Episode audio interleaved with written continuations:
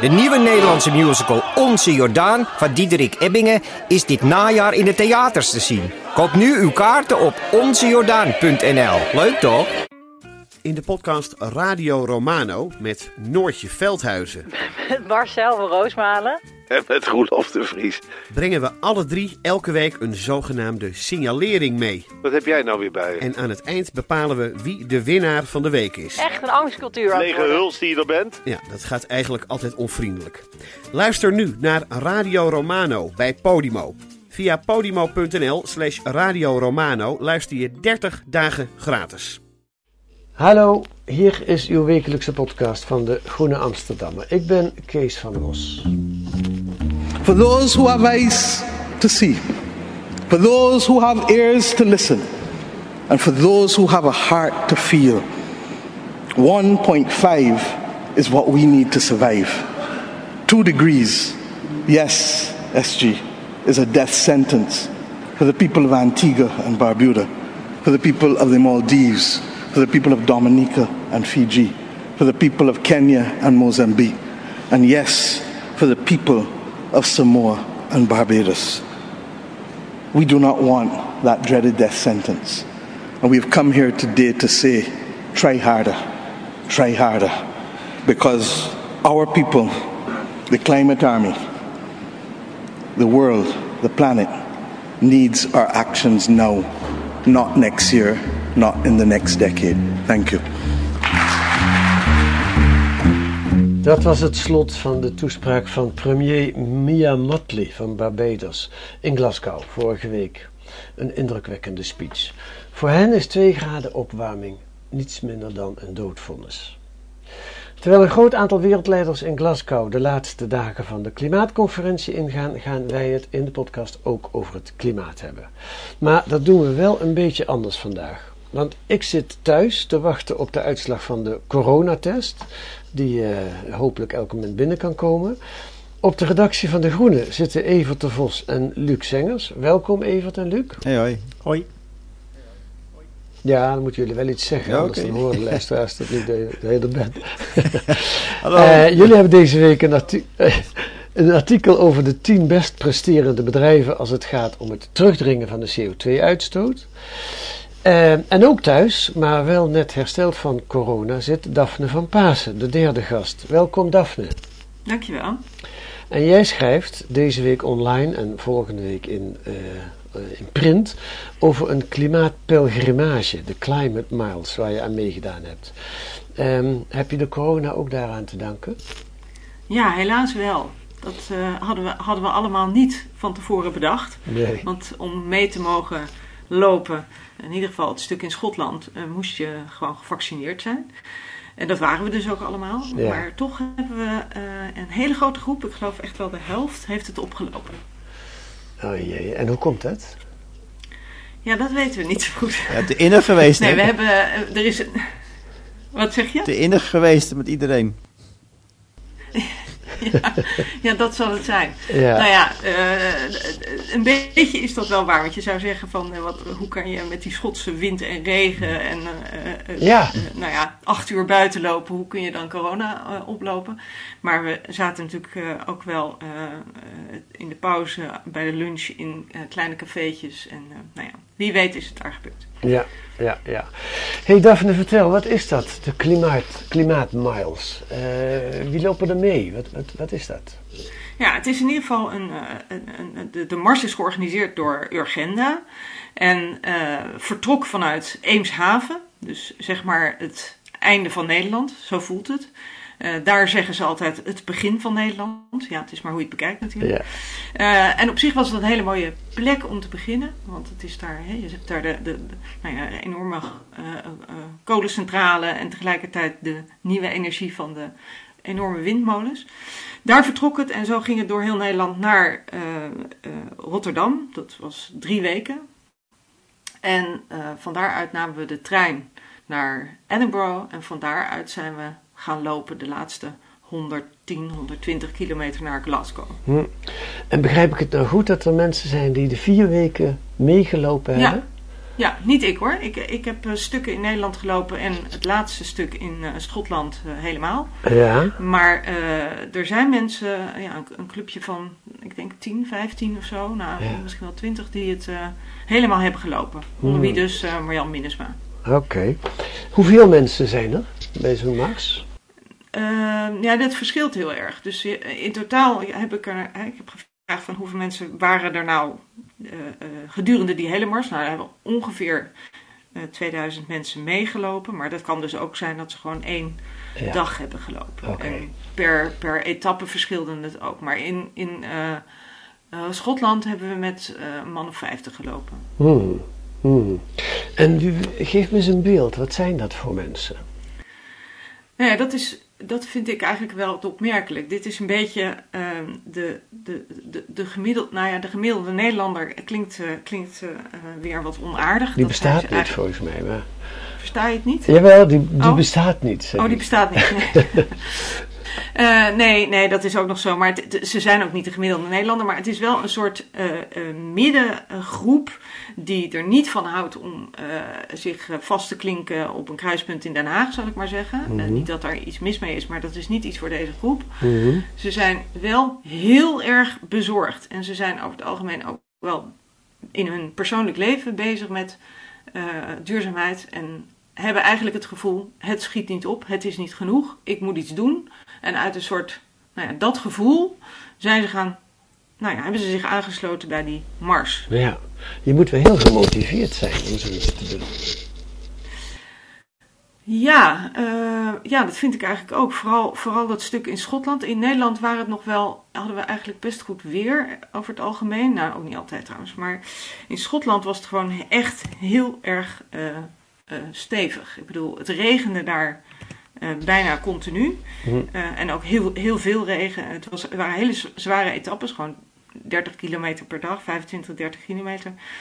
Uh, soms gewoon zonder paden en soppend in de modder, zijknatte, zogenaamd waterdichte schoenen, noem maar op. Mhm. Dus dat was echt wel, wel aardig. En er, en er waren behoorlijk wat, wat, ja, hoe zou ik dat, wat ouderen. Ik, ik was echt, echt verbaasd over hoe, ehm, nou ja, hoe ze dat deden. En en hoe, hoe uh, ja, vasthoudend ze waren. En, uh, ja.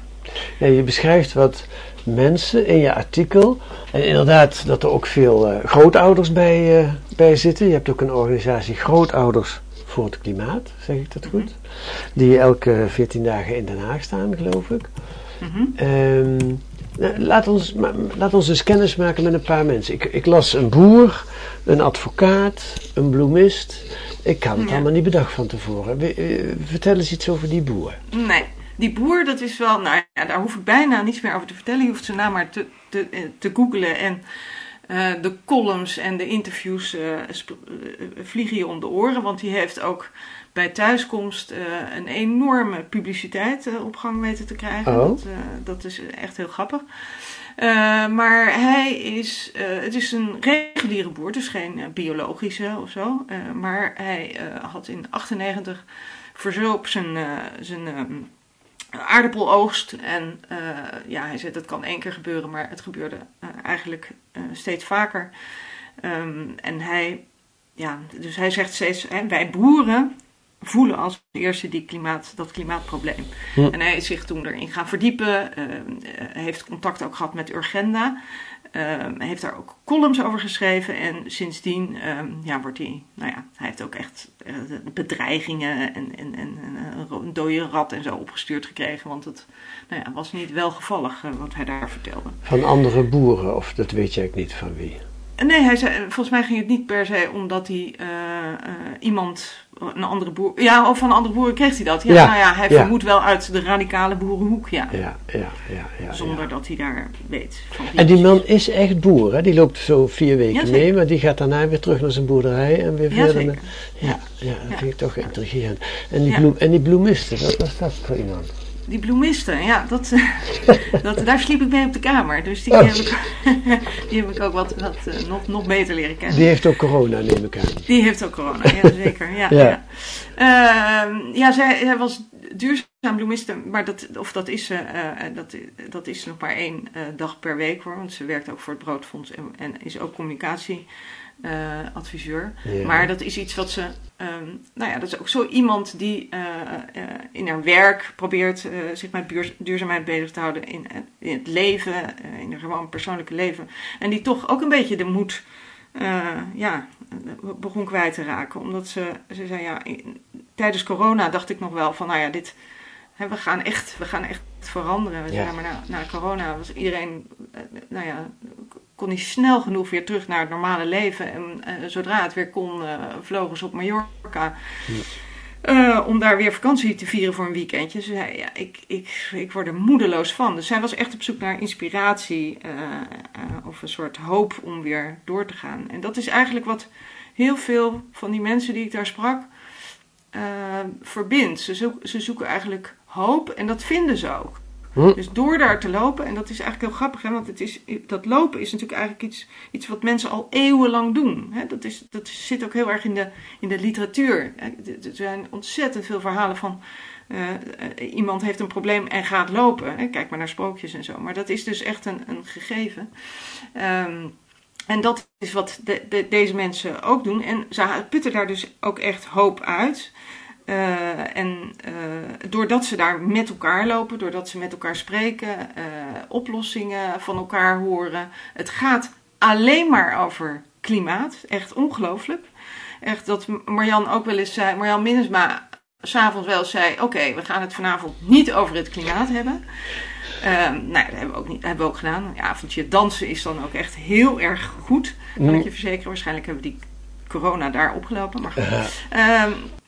Maar eh, die hoop, dat is, dat is echt wat, wat mensen daar ook eh, aan overhouden. En ik zie dat nu ook. Hè. Er is een appgroep en ik probeer me daar niet al te eh, veel te roeren. Maar ik kijk natuurlijk wel de hele tijd. Eh, en daar wisselt men ook berichten uit, adviezen. Men denkt met elkaar mee. Het is echt een, een. Ik kan me heel goed voorstellen dat, dat, dat als je hiermee bezig bent, als je je eh, soms wanhoopt, zal ik maar zeggen. En dat in je dagelijks leven niet meer met iedereen eh, kunt delen. Want mensen worden daar gek van. Hè? Die, Mhm. Normaal gesproken, mensen hebben geen zin om daar de hele tijd naar te luisteren Mhm. dat dit dan heel erg eh, ja, een, een groep is waar je nou ja, gelijkgestemden vindt eh, Ja. en waar je nou ja, weer verder kunt. Dat is bijzonder.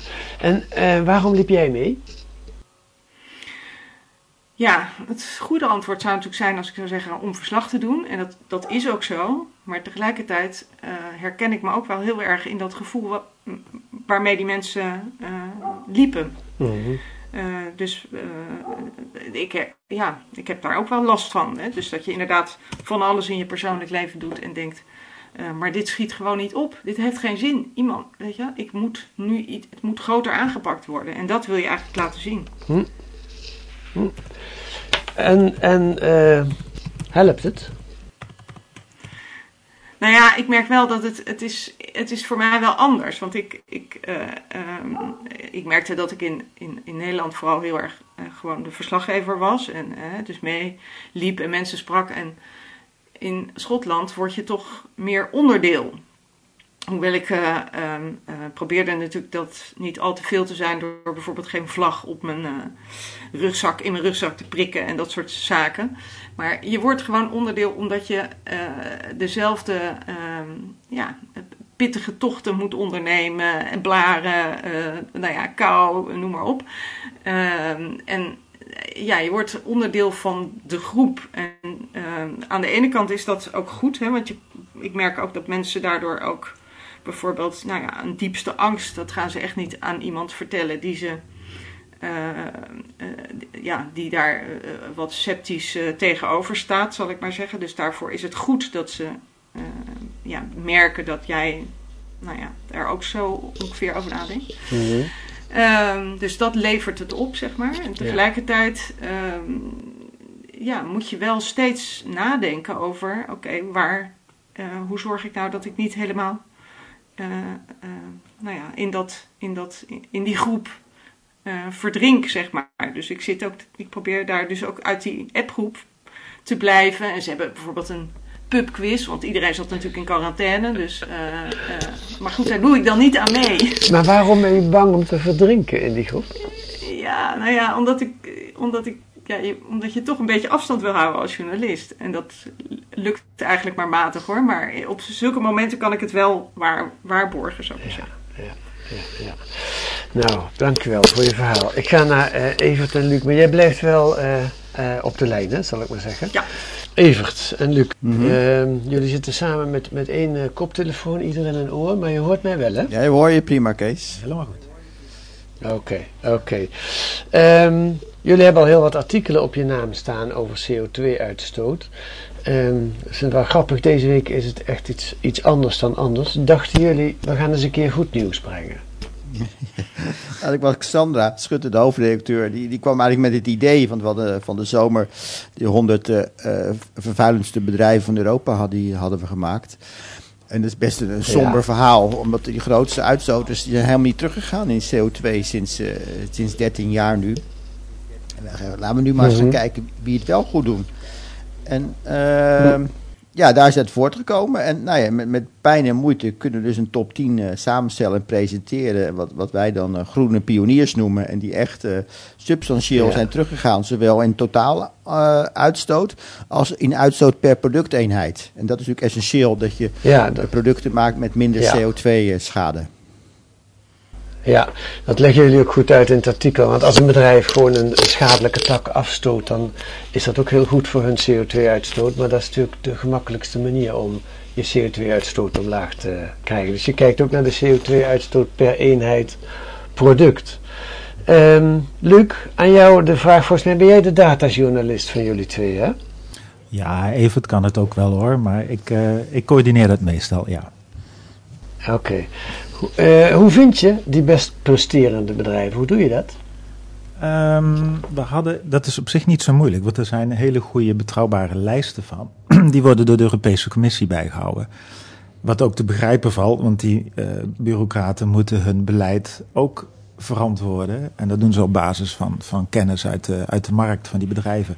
Dus dat is gewoon een hele goede database. Maar wacht even, er zijn ja, er zijn lijsten gewoon waarop de, uh, de moeten de bedrijven zelf opgeven, neem ik aan. Dat gaat, dat waarop je kunt niet. zien. Nou, als het zo makkelijk was, dan hadden we die verhalen ook wel in andere kranten gelezen de laatste tijd. Uh, je, moet, je, moet er, ja. je moet er wel iets voor doen. Oké, okay, als je me uitdaagt, dan zal ik het je eens kort vertellen. Uh, de, ja, doe het. Alle, alle grote bedrijven die uitstoten, dat zijn er zo'n 12.000 in, in heel Europa, die moeten ja. hun uitstoot registreren. En uit die lijst hebben we al een keer eerder verhalen gemaakt over wie de grootste uitstoters waren, zoals jij ook zegt. En diezelfde lijst hebben we ook gebruikt om te kijken wie hebben er nou in die afgelopen tien jaar gestaag hun uitstoot weten te verminderen. En, van, ja. dat waren, hou je vast, dat waren maar een stuk of 30 bedrijven, 32 bedrijven hadden we eruit gefilterd, ja, ja. die in tien jaar tijd echt een vermindering lieten zien. En daar zijn we. Zo weinig? Ja, zo weinig, ja. Zo weinig. Dan moet je, ja, ik zeg 14, het zijn 12.000 installaties. We hebben dan eerst die installaties allemaal toegerekend naar moederbedrijven. Dan heb je er iets minder dan, dan 12.000. Maar toch, het, op het hele lijstje is het heel weinig. Zeker weten. Ja, ja. Is de, dat is eigenlijk de eerste conclusie dan uit jullie verhaal. Dat er ontzettend weinig bedrijven zijn die echt omlaag gaan in de CO2 Ja, dat, dat is, is, zeker. Ja. Als je weer negatief wil beginnen, Kees, dan is dat zeker, is dat zeker een van de conclusies. Ja, ik ben een journalist, hè? Ja, en Luc is wel iets te bescheiden, want het, het, het goede van die database in Europa is dat alles geregistreerd wordt van alle bedrijven die in het ETS zitten. Het slechte is dat er niet staat bij van welk moederbedrijf die installatie uiteindelijk is.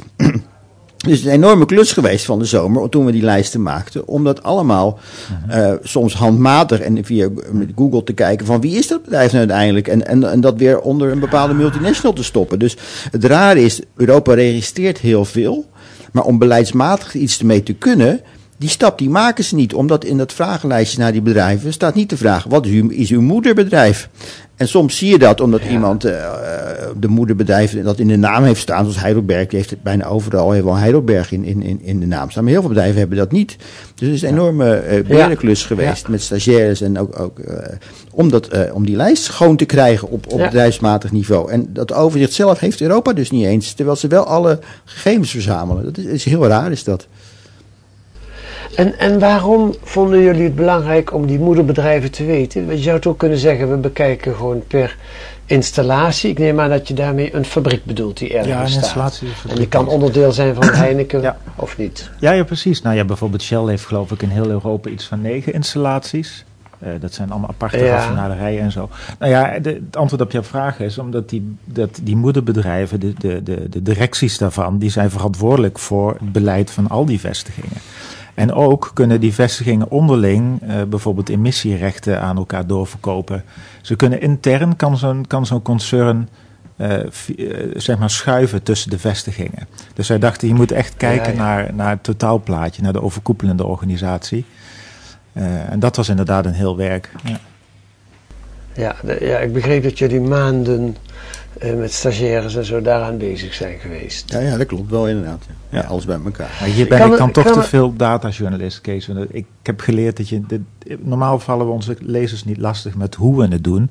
Want wat belangrijk is, is natuurlijk de conclusies die we trekken. Maar, jawel, jawel, maar deze podcast is ook bedoeld voor om uit te leggen ja, ja, ja. Ik, ik, vraag me nog af, zou het nog kunnen, want je hebt dus heel veel zelf moeten doen op basis van een bestaande boekhouding. Zou het kunnen zijn dat jullie nog een bedrijf over het hoofd hebben gezien, dat dadelijk iemand belt zegt, ho ho, wij horen eigenlijk ook in die top 10? Nou ja, er zitten zeker bedrijven die niet in het ETS-systeem vallen, die al zo laag uitstoten, het, is het, bedrijf, het ETS-systeem moeten we even uitleggen. Dat, is het beprijzingssysteem van CO2. Ja, dus het, Europese beprijzingssysteem van CO2. Dus voor elke, in, theorie moet elk bedrijf voor elke ton CO2 een bepaald bedrag betalen. We hebben uitgebreid over geschreven, want de meeste grote uitstoters krijgen al die rechten gratis. En, en, en die hebben geen, helemaal geen incentive om, om minder uit te stoten.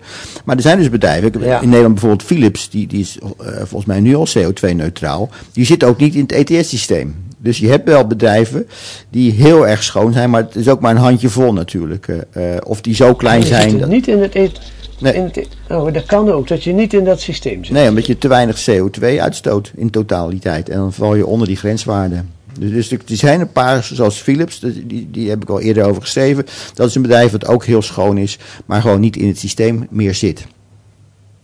Oké. Um, Oké, nou ik, ik, blijf even bij jou Evert, want ik begrijp dat jij degene bent van jullie tweeën die op bezoek is gegaan bij een aantal van die uh, bedrijven uit de top 10. Ja. Um, uh, wat, wat, wat tref je daar aan? Wat vind je daarvan? Wat, wat doet je dat? Als je die, dan kom je dus met de, de duurzaamheidsmanager te spreken, ja, neem ik aan. Ja, of, of, of, productmanager. Ja. Nou, wat, wat het leuke is, vind ik, dat je mensen treft die, die uh, heel trots zijn op hun bedrijf. En die trots is gekoppeld aan hoe groen het bedrijf is. Dus ze hebben een, een, bedrijfstrots uh, uh, neemt nog meer toe omdat hun bedrijf zoveel doet aan duurzaamheid. En daar zijn ze echt trots op. Het zijn ook dingen waar je op feestjes mee, uh, mee over kan praten. En, en, en dat, dat, dat, dat, dat, praten ze met heel veel enthousiasme over. over dat, nou, Heineken heeft dan de eerste elektrische eh, binnenvaartschip in Nederland rondvaren. Nou, daar zijn ze echt super trots op. En dat zij dat hebben bewerkstelligd door daar vroegtijdig actie op te ondernemen. Nou, dat, dat, dat, dat ja.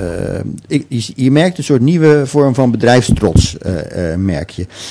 Ah. En je merkt dat die betrokkenheid langdurig is.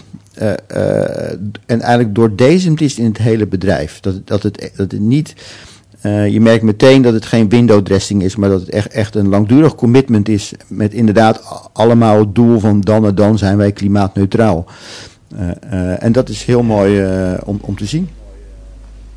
Ja. We hebben het ook wel breder getrokken, Kees. We hebben, we hebben geprobeerd om, Vertel. Nou, om te kijken. Kijk, je, je hebt dan bevindingen uit een, uit een drie of viertal bedrijven. En je hebt een aantal data, maar je wil ook weten. strookt dat eigenlijk met andere onderzoeken die er zijn gedaan? Dus die hebben we proberen op te zoeken en uh, ook met hoogleraren over gesproken die daar onderzoek naar doen. En uh, er komt een beetje hetzelfde plaatje uit wat Evert schetst inderdaad. Het, zit heel erg, het commitment moet heel erg van de top komen. Uh, en, en dan moet dat zo doorcijpelen. Dus het is heel belangrijk, werd ons van verschillende kanten verteld, wat die CEO's en die bedrijven, wat die zelf doen. Die hebben echt heel veel in de hand in die bedrijven.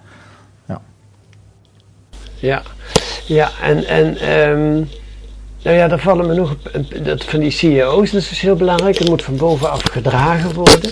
Wat me ook opviel, uh, uh, vraag ik aan jou, Luc, om te kijken of dat klopt, is ik heb het idee dat al die bedrijven hun oplossingen wel zoeken in techniek. Want ze willen wel allemaal blijven doen wat ze doen. Er moet niks veranderen, maar het moet, door een andere techniek moet het schoner worden. Uh, dat is wel tenminste het beeld wat wij zien bij de bedrijven die wij uh, hebben bezocht. Ja, de techniek moet de oplossing brengen. Uh, dat vind, persoonlijk heb ik dat een beetje vreemd gevonden, omdat je, je hoort eigenlijk heel weinig in de discussie over de industrie en de rol daarvan. Uh, daar wordt heel weinig gepraat over nou ja, recycling een klein beetje, de producten hergebruiken, cradle to cradle. Maar je zult eigenlijk nooit horen van moeten we sommige producten misschien niet meer maken, omdat het gewoon onzin is. Ik bedoel, iedere keer als ik in de stad langs zo'n Tiger-achtige winkel loop, weet je wat ik bedoel? Waar ze allemaal van die plastic prularia verkopen, ja, dan is het altijd stervensdruk. Nou, die containers uit China, die kunnen we missen als kiespijn. Maar die discussie wordt dus gewoon niet gevoerd. En dat het misschien minder. Nou ja, die discussie wordt gevoerd natuurlijk door, door in de klimaatbeweging wel. Van het moet ook gewoon minder. Maar dat, dat is nog een stap te ver voor die bedrijven. Ze moeten wel blijven groeien, ze moeten wel meer afzetten, maar met schonere technologie. En, nou, ja. je, je, ziet wel, de ESM is wel een uitzondering erin, want die stoten hebben echt, echt sterk vervuilende producties. De bulkchemie hebben ze afgestoten, dus die maken daar wel hele scherpe keuzes ja. in. Maar het is ook gelijk een commerciële keuze, dat je dus op zoek gaat naar, naar, naar producten met meer toegevoegde waarde. Dus schone producten die, die meer toegevoegde waarde hebben. En op zich zit, zit daar wel wat in, als je, als je groener produceert, uh, uh, dat het ook allemaal nieuw werk en nieuwe werkgelegenheid opbiedt, oplevert. Uh, ook om, juist omdat je meer toegevoegde waarde uh, creëert. Hm. Ja, ja. En een, een, conclusie die ik trek na het lezen van jullie artikel, of jullie zeggen hem min of meer expliciet zelf ook wel. Um, dan moet een CO2-belasting komen. Dan wordt het voor bedrijven, dan hebben ze een soort stok achter de deur. Dan wordt het economisch interessant om, hoeft het niet alleen maar ideologisch gemotiveerd te zijn om CO2 te verminderen. Ja, dat, je ziet de bedrijven die wij hebben uh, ontdekt nu, dat zijn echte uitzonderingen. En die heel vaak vanuit een bepaalde bevlogenheid die ze al hebben vanuit uit, uit, de moederorganisatie of uit de geschiedenis of wat dan ook, of een, een CEO die dat heel erg uh, propageert, er komt een bepaalde bevlogenheid bij, maar die zal je nooit massaal aantreffen. Dus de overheid zal echt stappen moeten nemen door dingen te verbieden. Dat heb je ook gezien bij het aantasting van de ozonlaag. Door gewoon dingen te verbieden kan je echt dingen creëren. Of door incentives in te, in te voeren, maar dan echt in te voeren. En dat is bijvoorbeeld een, een echt reële prijs voor de CO2-uitstoot. Dat zou heel veel bedrijven heel veel helpen. En heel veel economische modellen ook naar groen doen doorslaan. En, en dan zijn ook bijvoorbeeld de aandeelhouders veel makkelijker te overtuigen. We moeten dit doen, want CO2 wordt duur. En daarom gaan we dit en dit doen.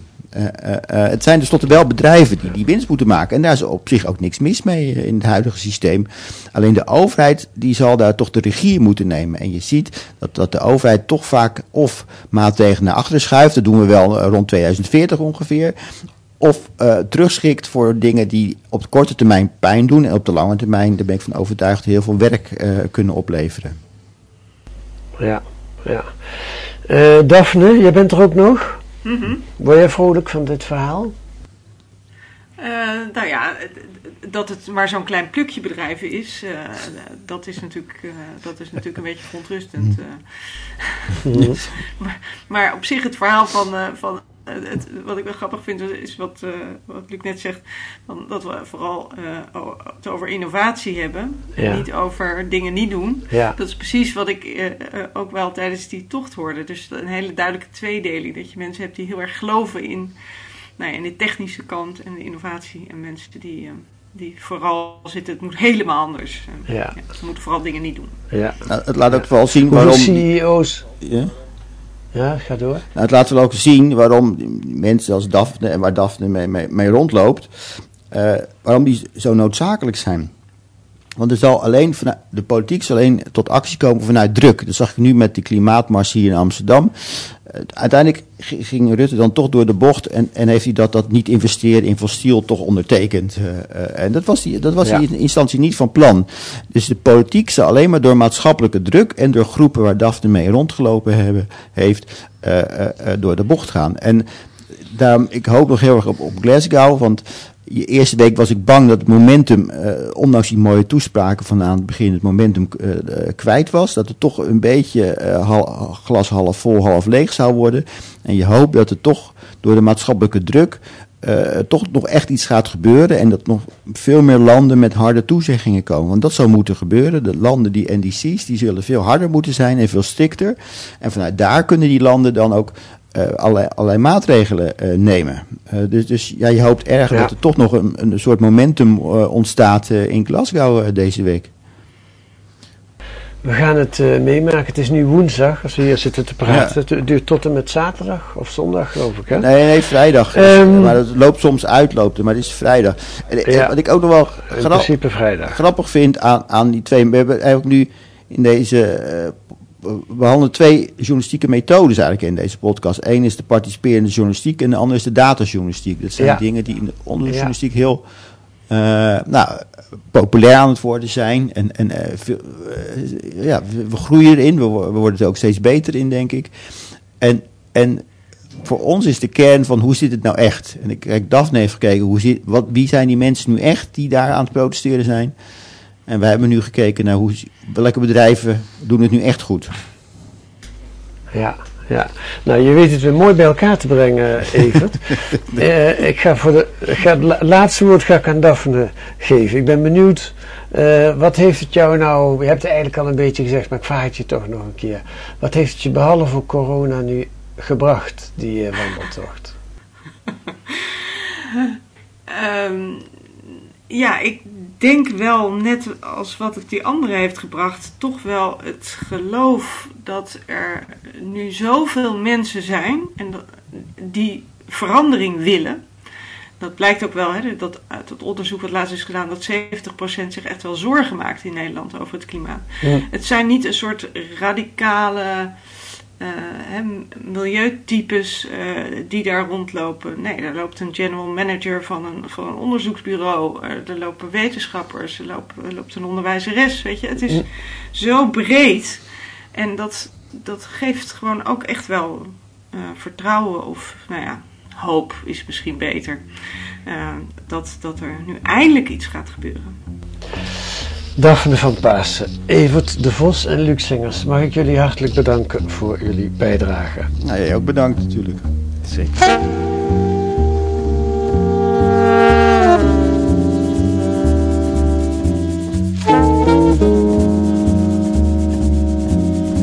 Wat staat er nog meer in de groene deze week? Een essay van Jan Postma over online woede. Wat heeft de schuimbe schuimbekkende meute op Twitter en Facebook zichzelf te bieden en anderen te bieden? En een reportage uit Oost-Polen, waar grensbewoners Iraakse vluchtelingen helpen en hen bevrijden uit het cynische machtsspel. Nou, dat kun je wel zeggen, ja, tussen Belarus en Polen. En even voor de volledigheid, de bijdrage van Daphne staat dus deze week online en volgende week print in de Groene. Dat kunt u allemaal lezen met een abonnement of een proefabonnement. Ga dan naar groene.nl. Daar leest u hoe u 10 weken de Groene kunt krijgen voor 15 euro. Groene.nl. Wilt u reageren op deze podcast, kan het ook. podcast.groene.nl. U kunt ons 400ste sterretje worden. Ik zag vanochtend dat we inmiddels 399 beoordelingen hebben. Dat is mooi. Dat helpt ons aan meer luisteraars. Volgende week zijn we er weer met analyses en achtergronden bij het nieuws in deze podcast van de Groene Amsterdammer. Die deze week werd gemaakt door Paola Leijsen en ondergetekende Kees van der Bos. En de muziek is de Tune for N van Paul van Riemenhuizen.